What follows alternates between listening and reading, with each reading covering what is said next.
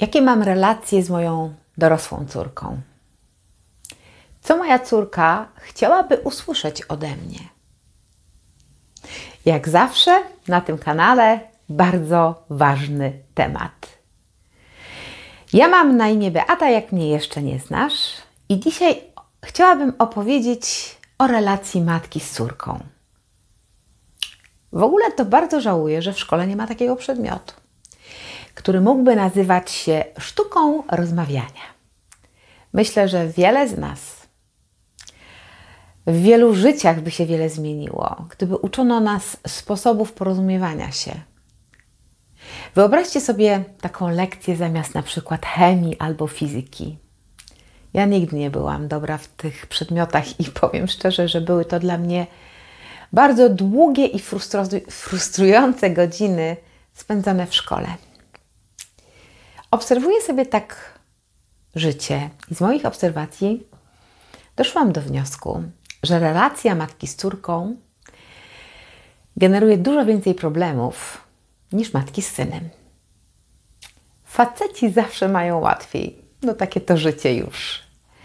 Relacja z matki z córką nie jest łatwa. I chociażby z tego powodu, że matki są w ciągłym procesie zaangażowania w relacje Ojcowie stoją troszeczkę jak gdyby z boku. Oni mają, wiecie, te swoje, swój świat. On jest przeniesiony bardziej na zewnątrz. Zajmują się pracą, karierą zawodową, mają sport, hobby, zazwyczaj i wiele takich innych męskich, bardzo poważnych spraw.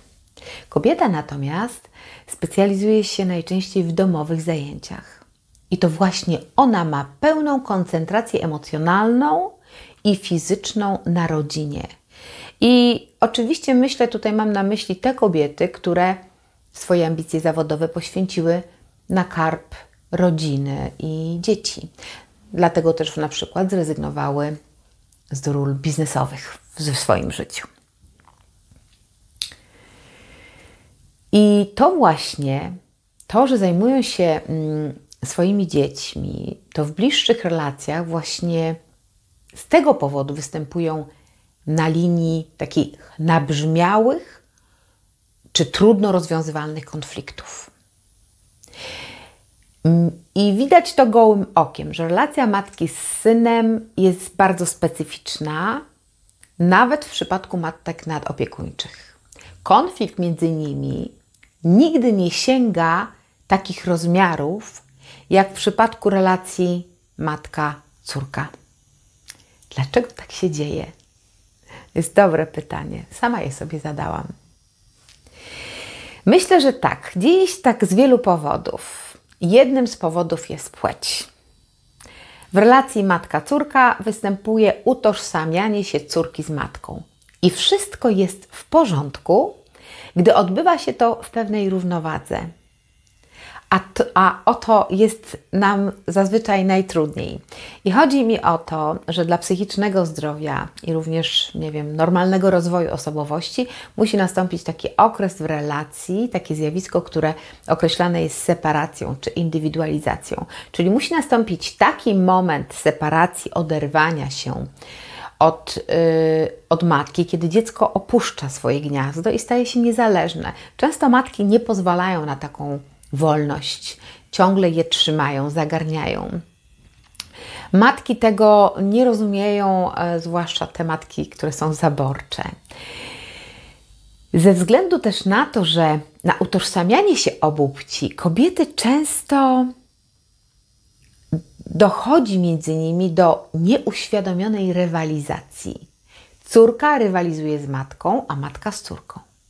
Oczywiście to nie ma żadnego charakteru sportowego. Nie chodzi o to, która wygra zawody, tylko która psychologicznie zdominuje rywalkę. I to było ciekawe odkrycie dla mnie, naprawdę. Ja dzisiaj, co prawda, nie będę zgłębiała e, przyczyn rywalizacji, ponieważ bardziej chcę się skupić dzisiaj na komunikacji, która dla mnie osobiście jest bardzo istotna i dla wielu kobiet również, które ze mną rozmawiają. Warto jest zrozumieć, że walka to najczęściej prawy gwizdek, czyli stracona energia.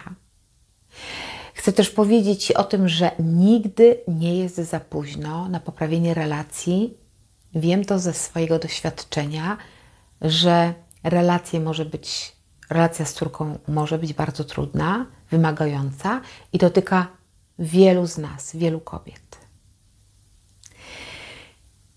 Wrócę jeszcze, zacznę, zacznę od początku, żeby się już tak nie rozwodzić.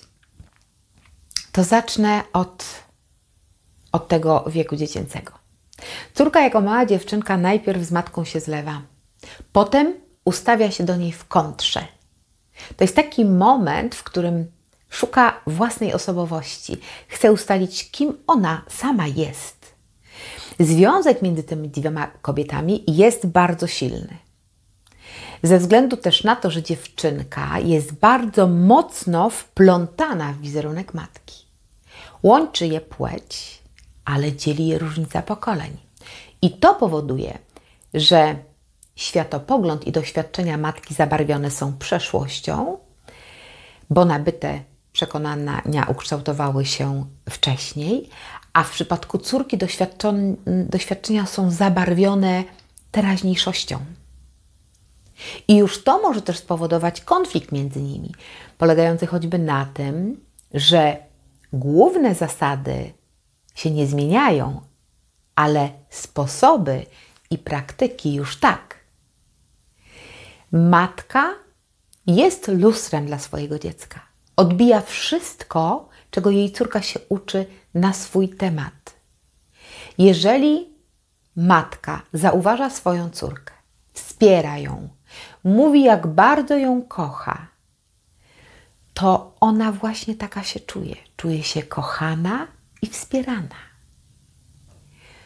Jeśli jest inaczej, czyli kiedy córka jest niezauważana, wykorzystywana, porzucana, i tu mam na myśli niekoniecznie fizyczne pozostawienie, jak niania, żłobek, przedszkole, nawet babcia czy ktoś z rodziny, który się zajmuje dzieckiem podczas nieobecności mamy. Ale mówię o tym, że porzuceniem może być również pracoholizm matki. Na przykład to jest takie same trochę chyba jak alkoholizm czy oziębłość emocjonalna. To jest też porzucenie dziecka, emocjonalne pozostawienie go. W dziewczynce tworzą się takie przekonania, jaki ten świat jest, jaką rolę pełni kobieta, ile ona sama jest warta, jak siebie ceni, jak będzie wyglądało jej życie. Kiedy podczas spotkań z Wami, dziewczyny, kobiety, bo jeszcze żaden facet się nie odważył e, zgłosić do mnie na coaching, a już nie, na pewno nie rozmawiać o relacjach. Kobiety są bardziej zdecydowanie otwarte, jeżeli chodzi o komunikację, w ogóle o naukę. Mm, więc mówicie o swoich ogromnych potrzebach niezaspokojonych w relacji z mamą. I te potrzeby są dla Was wszystkich bardzo podobne. Najczęściej mówicie też o tym, że brakuje Wam słów uznania ze strony mamy. Zbyt mało albo prawie nigdy, czy wcale nie słyszałyście od matki takich słów, że jesteście piękne, fantastyczne, cudowne, wspaniałe, że świetnie sobie radzicie w pracy, w szkole, w domu, w roli matki, żony. Rzadko lub w ogóle matki nie zachęcały Was w swoim życiu do, do robienia czegoś, co kierowane jest głosem Waszego serca, żeby skupiać się na własnych potrzebach, żeby akceptować siebie takim, jakie jesteście. Że to absolutnie wystarczy taka, jaka jesteś, że Twoje wybory są ok, że niezależnie od tego, co zrobisz, ona jako matka stoi za Tobą murem i będzie zawsze. Kocham Cię, córeczko, taką, jaka jesteś. I będę kochać Cię zawsze. Takich słów brakuje wielu kobietom, niezależnie od tego, ile mamy lat. Oczekując, mamy takie wrażenie, że te słowa wypełnią naszą pustkę miłości i przestaniemy rozpaczliwie szukać aprobaty u innych. Będziemy sobie bardziej ufać i wierzyć w siebie, będziemy się kochać i odważnie dążyć do celu. I dużo łatwiej, swobodniej rozwiązywać wszystkie wyzwania, które będą stały na naszej drodze. I niby to już wiesz, że nie wszyscy muszą Cię na przykład lubić, a jednak wolałabyś to usłyszeć z ust Twojej mamy, jak również to, że dasz sobie radę. Zawsze. I że możesz na nią liczyć. I w każdej sytuacji, i w każdy Twój wybór jest słuszny. A każde niepowodzenie jest po prostu tylko lekcją i głowa do góry. Cudowne, prawda? I wydaje się proste. Wystarczy widzieć i wiedzieć i zacząć to robić, czyli mówić swojej córce te dobre słowa i uczyć ją w ten sposób miłości do siebie i do świata. Niestety nie tylko w moim pokoleniu, ale nadal tak się dzieje, że wychowanie dzieci jest oparte na zakazach i podporządkowaniu, tłamszeniu dzieci. Zobaczcie, nie rób tak, nie rób tu, usiądź, nie rusz tego, zachowuj się przyzwoicie, podziel się, bądź mądrzejsza, bądź grzeczną dziewczynką. Nie wiem, nie płacz, chłopcy nie płaczą. Jak będziesz tak robił, to dzieci będą się z ciebie śmiały. Jak będziesz niegrzeczny, to pan zabierze cię do worka, albo mama cię odda do sierocińca. Każde dziecko prawie słyszało chociaż jedno z tych zdań i to nie jeden raz. Na każdym kroku dzieci są straszone. I można przy nich być fizycznie i dbać o ich ubiór czy o ich jedzenie, a jednocześnie opuszczać je emocjonalnie, zdradzać swoim zachowaniem i komunikacją oraz budzić w nich po prostu lęk. Lęk przed życiem. Gdybyśmy to wiedziały wtedy, kiedy zaczynamy tylko, nie wiem, rozważać myśl o macierzyństwie, to jestem przekonana, że wielokrotnie uniknęłybyśmy wielu przykrych sytuacji w relacjach z naszą córką. Miałybyśmy szansę stać się wsparciem dla naszych córek i synów. I częściej na pewno obdarowałybyśmy je słowami pełnymi miłości, akceptacji i poczucia bezpieczeństwa. Umiałybyśmy komunikować się odważnie ze sobą, dbać o siebie, znać swoje potrzeby, empatycznie słuchać. To są tak ważne rzeczy. Miałbyśmy mieć odwagę, by żyć bez lęku przed życiem, mieć nieustającą ciekawość, co przyniesie nam kolejny dzień. Nie doświadczałybyśmy wtedy porażek, tylko mówiłbyśmy, że eksperymentujemy. A kiedy eksperyment nie powiódłby się, to byśmy usłyszały od swoich matek: To nic, kochanie.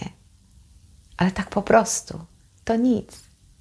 Tak po prostu bez krytyki, bez, tej, bez tego oceniania, bez tych dziwnych spojrzeń.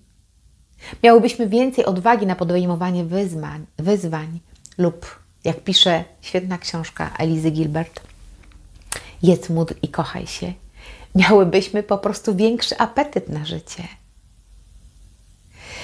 Kto bardziej jak ty, jako matka, może nauczyć swoją córkę akceptacji własnego ciała, wiary w swoje umiejętności?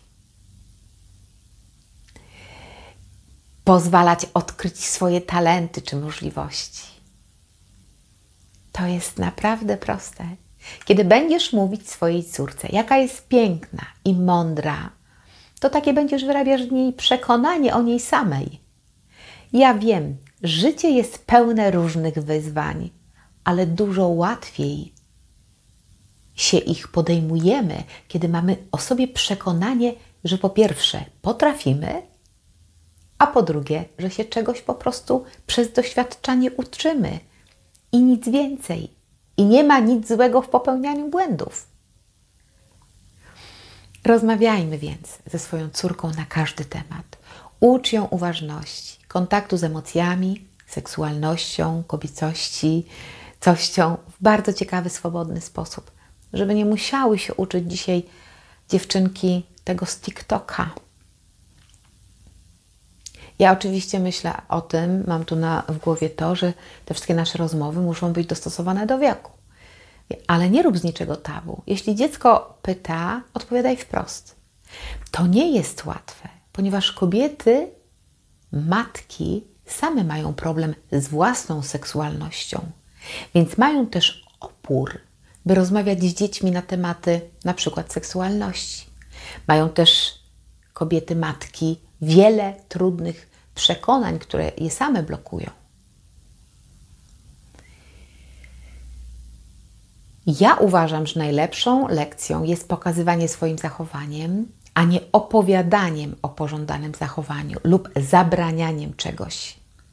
Zauważy, zauważasz może, jak często stosujemy taką metodę: nie rób tego, nie potrafisz, zostaw, jesteś za mała, nie biegaj, nie krzycz, nie marudź, nie mam czasu. Dlaczego skupiamy się ciągle na takich zachowaniach odpychających dzieci, na tych niepożądanych, zamiast uczyć ich tych, które są inspirujące, które zachwycają, które kreują nasze życie? Najbardziej jesteśmy skuteczne wtedy, kiedy pokazujemy. Swoim zachowaniem jest to najlepsza nauka. Jak postępować, jakie postępowanie jest pożądane, jak to wpływa na te relacje, na relacje Twoje z otoczeniem, jakie wywołuje emocje. Warto przestać mówić córce, czego nie powinna robić, a zacząć pokazywać jej, co powinna. Co powinna i jakie, to są, jakie są skutki. Oczywiście, że nasze życie jest też usłane różnymi potyczkami, więc żeby też widziała, że też są błędy. My nie jesteśmy idealni. Nikt nie jest idealny. Ale co jest najistotniejsze, ja się też tego uczę. Uczę się spójności między tym, co robię, mówię i myślę. I to jest podstawą prawdomówności i autentyczności. Prawdomówność w relacjach jest bardzo ważna, ale bardzo trudna. Bo dzisiaj, kiedy dziecko jest małe, wydaje ci się, że lekko naciągniesz prawdę, ale za kilka lat, kiedy powiesz dziecku, nie rób tego, córeczko, to ona ci nie uwierzy, ona cię nie posłucha. Bo nie będzie miała po prostu do ciebie zaufania. I potem rodzice dziwią się, dlaczego? No właśnie dlatego, że tyle razy skłamaliśmy. Mam też takie wrażenie, że nie doceniamy dzieci, tego, że one podświadomie czują wiele emocji, obserwują wiele wydarzeń i one po prostu wiedzą i uczą się błyskawicznie. Otóż, jeżeli ty uczysz dziecko, że należy w życiu mówić prawdę, to nie karć je, kiedy przyznać się, że coś zbroiło. Lub na przykład, jeżeli nie chcesz rozmawiać ze swoją mamą, ale widzisz, że uparcie dzwoni ona, więc nie mów do dziecka, odbierz telefon i powiedz babci, że mamusi nie ma w domu. Albo jeszcze jeden przykład. Robisz dziecku uwagi, że nie powinno jeść słodyczy, bo słodycze tuczą albo są niezdrowe i tak dalej, i tak dalej. Cała pogadanka, a potem zasiadasz przed telewizorem, wiesz, z całą paterą różnych rzeczy i wsuwasz, aż ci się uszy trzęsą. Niby dlaczego? Bo uważasz, że dziecko tego nie widzi, bo śpi, bo, bo ty jesteś dorosła, a dzieci i ryby głosu nie mają? To nie, uni- to, to nie uchodzi w eter. Jeżeli w Twoim zachowaniu córka identyfikuje niespójność, kłamstwo, manipulację, to właśnie tego się też uczy. Jesteś jej lustrem, wzorem do naśladowania, jedynym bardzo ważnym nauczycielem, od którego Twoja córka jest poniekąd uzależniona, bo ma tylko jeden wzorzec. Kolejną sprawą, a może właściwie pierwszym obszarem, choć bliskim mi na pewno, to jest to, żeby zadbać o emocjonalność. Dziecko nie potrafi nazywać emocji, ale potrafi je wyrażać. Żeby jednak komunikować się lepiej ze swoim dzieckiem, warto je uczyć nazywania tej emocji i nadawania znaczeniu zachowaniom, które je wyraża. Czyli jeżeli dziecko tupie nogami czy rozpaczliwie płacze, to warto o tym z nim porozmawiać. Po prostu, najnormalniej w świecie.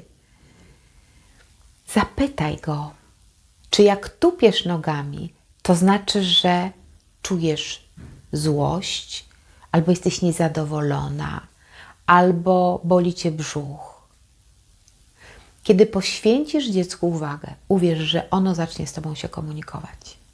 Zauważy bardzo szybko, zauważ, że bardzo szybko dziecko zachowuje się bardzo głośno albo jakoś dziwnie, różnie, agresywnie, ponieważ potrzebuje Twojej uwagi. Kiedy nauczysz je nazywać swoje emocje, będzie Wam dużo łatwiej znajdować rozwiązania i zaspokajać potrzeby obu stron.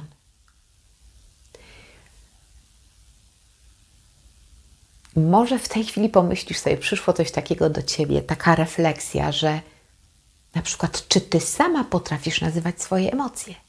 Jesteś już kobietą, mamą. No właśnie. Może warto zacząć od siebie. Zwróć, jak, zwróć uwagę na to, jak bardzo ubogi jest słownik emocji. Ja w spotkaniach ze swoimi klientkami zauważyłam, że my dorośli najczęściej używamy tylko kilku. Na przykład fajnie się czułam, było mi dobrze lub było mi niedobrze. Byłam zła albo byłam zadowolona. Koniec. Powiem, że trochę skromnie, jak na nasz bardzo bogaty język polski. Myślę, że warto zastanowić się, co to dla ciebie znaczy. Byłam zła. Jaka to emocja? Gdzie ją czujesz? Jak ją możesz nazwać? Może poczułam frustrację, niepokój, martwiłam się, czułam lęk, czułam napięcie w całym ciele, rozbolał mnie brzuch i tak dalej. Jest tego naprawdę ogrom, tylko sięgnijmy po to. Zauważ, że każda z wymienionych emocji niesie ze sobą zupełnie inne odczucia w ciele, ale również ma też różne odniesienia. Przez to możemy siebie poznać. Emocje są świetną lekcją.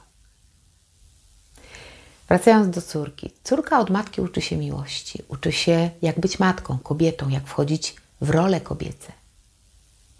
Czasem możemy się też czuć z tym źle, co nam matka przekazuje, bo żadna matka nie jest idealna, przekazuje jak potrafi.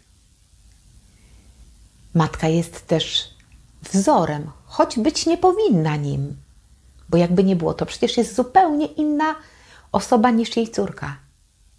I myślę, że to też jest przyczyną trudności w tej relacji, relacji matki z córką.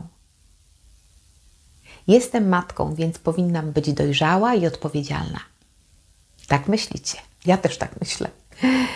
Ale przecież posłuchajcie, dojrzałość to umiejętność, którą kształtujemy w sobie całe życie. To zdolność do podejmowania przemyślanych decyzji, do kształtowania swojego zdania w oparciu o doświadczenie, które jest inspirowane książkami, które przeczytaliśmy, filmami, które oglądaliśmy. Jest tak naprawdę sumą naszych praktycznych umiejętności życiowych, opartych na popełnieniu masy błędów, na pokonywaniu ogromnych lęków, na przekraczaniu barier czy wszystkich blokad, które spowodowane są krzywdami, uzależnieniem, zetknięciem się z niewłaściwym wzorcem czy innymi przeżytymi traumami. Więc bądźmy dla siebie też bardziej tolerancyjne. Zwróćmy uwagę jednak na to, że kiedy matka zaczyna rywalizować, wykorzystuje narzędzia kontrolowania, trzyma kurczowo swoje dziecko pod kontrolą, niezależnie od tego, ile to dziecko ma lat. Jest nadopiekuńcza, ponieważ nie ma własnego życia. Wie, więc żyje życiem dziecka. Całe ich życie wypełnia tylko jej córka. Tylko niekoniecznie idzie to w dobrym kierunku. Najczęściej matka nie spełnia się w związku z partnerem, w związku z tym lokuje wszystkie uczucia w córce. Ale paradoksalnie polega to też na tym, że podświadomie konkuruje z nią. Dlatego jest taka zawiłość tej relacji. Chłopcy nie pozwalają się tak bardzo zawładnąć, ale dziewczynki, zwłaszcza te wysoko wrażliwe, wpadają jak śliwka w kompot. Są zbyt emocjonalne, zbyt miękkie, zbyt plastyczne w rękach matki. Dlatego córkom jest gorzej, ponieważ właśnie ta plastyczność w rękach matki jest ogromna. Matki lepią jak, jak modelinę. Nawet kiedy dziewczynki mówią i oponują, mówią: Mamo, nie rób tego, nie podoba mi się, jak to robisz, to w odwecie bardzo często od matek słyszą coś takiego: No wiesz, jak mogłaś, ja dla ciebie całe życie poświęciłam, jak możesz tak do mnie mówić, i tak dalej, i tak dalej. E, wchodzą ci na psychę i rozwalają cały twój system. I wtedy wiele, wiele córek dla świętego spokoju po prostu milknie, odchodzi i, i po prostu daje sobie spokój, ale wtedy w relacji pojawia się bezradność i toksyczność. I w tym przypadku mamy do czynienia z uzależnieniem od drugiej osoby, od swojej bezradności życiowej, od tyranizującej więzi, która staje się pułapką dla obydwu stron. O toksyczności matki nakręciłam filmik i podlinkuję go pod tym filmem, bo uważam, że będzie naprawdę uzupełniającym, dobrym materiałem do tego filmu. Chcę się jeszcze Wam jednym, jedną rzeczą też podzielić, jedną taką uwagą podzielić. Jedna z moich klientek, pań, powiedziała mi, że nie może się odizolować swojej matki. Choć ewidentnie powinna, bo twierdzi, że nie może się odizolować, bo są święta, bo to przecież tradycja, bo to katoli- są z katolickiej rodziny. Ja odpowiedziałam jej, że tak, to jest piękna tradycja i warto się spotykać z rodziną. Warto, ale nie wtedy, kiedy przy okazji tych spotkań ciągle jest jakiś kwas. Mama ciągle wypomina, ojciec się ciągle upija, rodzeństwo się ze sobą kłóci. To nie jest fajne. To jest po prostu wykorzystywanie tego pięknego symbolu tradycji na potrzeby patologicznych zachowań. Jeśli więc chcesz chronić siebie, to musisz się uniezależnić, oddalić i zacząć funkcjonować zgodnie ze swoim systemem wartości, a nie podtrzymywać jakąś fałszywą tradycję. Czasem pytacie mnie, czy można naprawić relacje. Oczywiście, że można. Nigdy nie jest za późno. Nigdy nie jest za późno, żeby zacząć siebie obdarowywać miłością, szacunkiem, empatią, zrozumieniem. Przecież na relacje my mamy wpływ. Ale co zrobić, kiedy matka nie słucha, czyli nie chce się zmienić?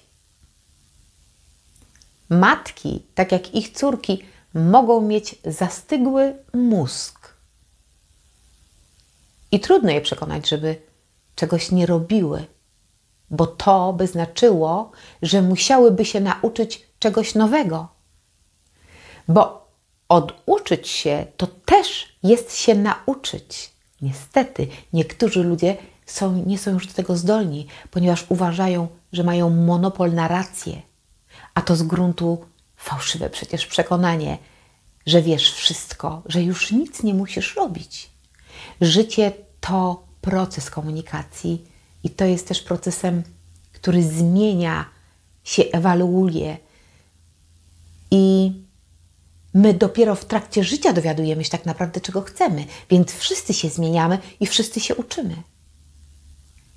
Jeżeli naprawdę kochasz swoją córkę, to powiedz to i nie drącz ją kontrolowaniem.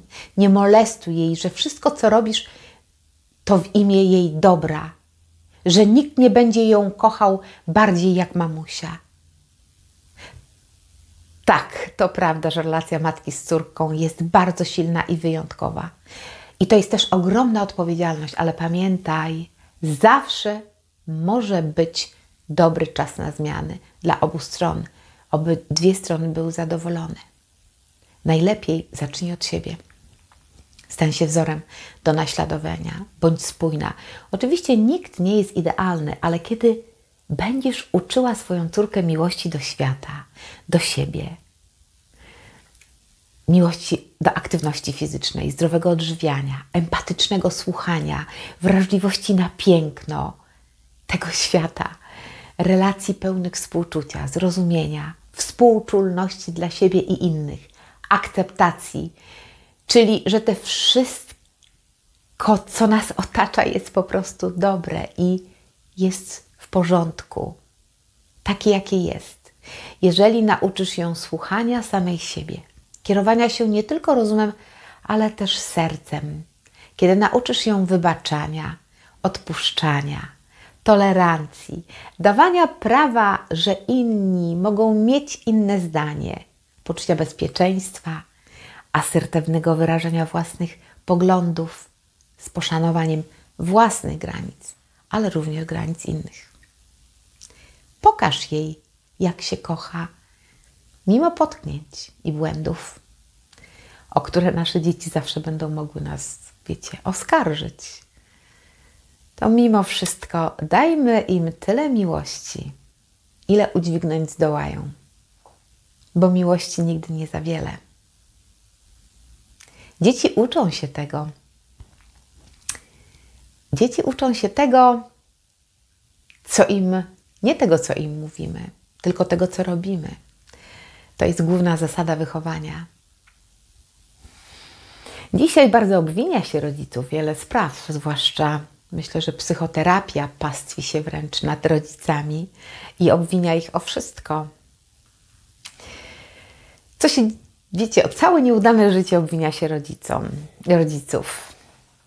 Nie będę tego komentować, ale powiem, że Donald Woods napisał taki, napisał tak.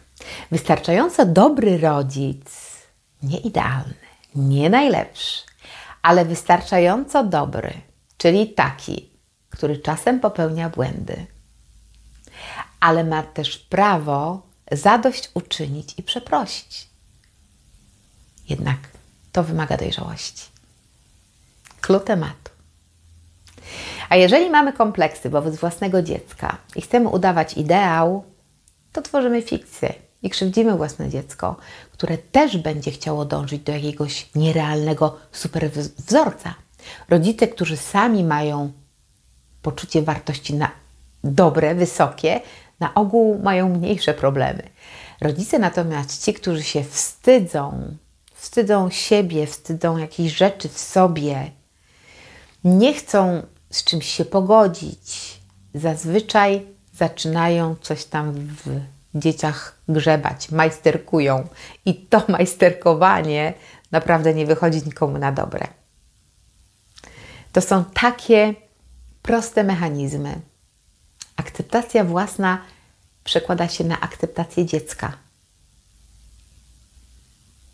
Czy to sposób, który naprawi trudne relacje matki z dorosłej, matki z córkami? Myślę, że tak. Posłuchajcie, dzieci nie potrzebują wielkich domów, drogich samochodów, lekcji, prywatnych lekcji pianina u najsłynniejszych pianistów. Dzieci potrzebują tak naprawdę akceptacji, miłości, bezpieczeństwa, prawdomówności, spójnych wzorców. Każda młoda mama powinna dostać takie wytyczne, kiedy wychodzi ze szpitala. A potem powinny one zawisnąć w takich ramkach, wiecie, jak obrazki na ścianie albo super zdjęcia w widocznym miejscu, żeby zawsze przypominać tym mamom, jakie są najważniejsze rzeczy w tej relacji jej ze swoim dzieckiem. Ja jestem z pokolenia wychowania metodą prób i błędów. I szkoda, że nie wiedziałam tyle rzeczy, które wiem teraz. Ale tak jak mówiłam, na naukę nie jest, nigdy nie jest za późno. Choć wiem, że w teorii wszystko, słuchajcie, wygląda bardzo dobrze, ale bardzo chcę wierzyć w to, że dzisiaj młode mamy są bardziej wyedukowane i skłonne do refleksji, jak również do ciężkiej pracy nad relacją ze swoją córką czy ze swoim synem. Własny rozwój to droga do budowania dobrej relacji matki i córki. Ja polecam serdecznie. Tylko, że trzeba zadbać, by własny rozwój nie pozbawił cię wrażliwości na cudze potrzeby, bo rozwój też jest pułapką. Jeżeli matka jest samotna, czy cierpiąca, chora, no to na pewno należy jej się ze strony córki troska czy opieka, jak sprowadzenie lekarza, czy wynajęcie opiekunki, czy umieszczenie jej w szpitalu, czy, czy sanatorium. To są po prostu świadczenia, które wynikają z powinności, nawet odpowiednio uregulowanych w naszym prawie. Ale miłość to już jest zupełnie inna sprawa. Więc, kochane kobiety, kochane córki, myślę, że nie ma nic ważniejszego w relacji jak miłość. Jak mówi piosenka, miłość wszystko wybaczy. Tak myślę, że w relacjach, kiedy ona tylko znajdzie swoje miejsce, to jesteście w stanie dowiedzieć się, czy poprosić nawet swoje matki o to, żeby usłyszeć tak wiele słów, pięknych słów, na które czekałyście całe życie. I żeby te mamy, które to usłyszą, chciały się nauczyć czegoś nowego i chciały spełnić te oczekiwania swoich córek. Naprawdę świat się zmienia i my się zmieniamy i możemy się zmienić. Jeżeli się wykażemy odrobiną otwartości i zaczniemy faktycznie w tym życiu kierować się swoim sercem, to same sobie wykreujemy fantastyczną relację. Czego Wam życzę wszystkim kobietom. Na dzisiaj to już wszystko. Ja pozdrawiam Cię bardzo serdecznie. Oczywiście bardzo zachęcam do komentowania pod tym filmem, do tego, żeby subskrybować ten kanał, jeżeli go jeszcze nie subskrybujesz. I jeżeli ten film wydaje Ci się wartościowy, to bardzo proszę podziel się z kimś, kogo lubisz. Nigdy nie wiadomo, kto i kiedy może być inspiracją dla kogoś innego. Pozdrawiam serdecznie i do zobaczenia.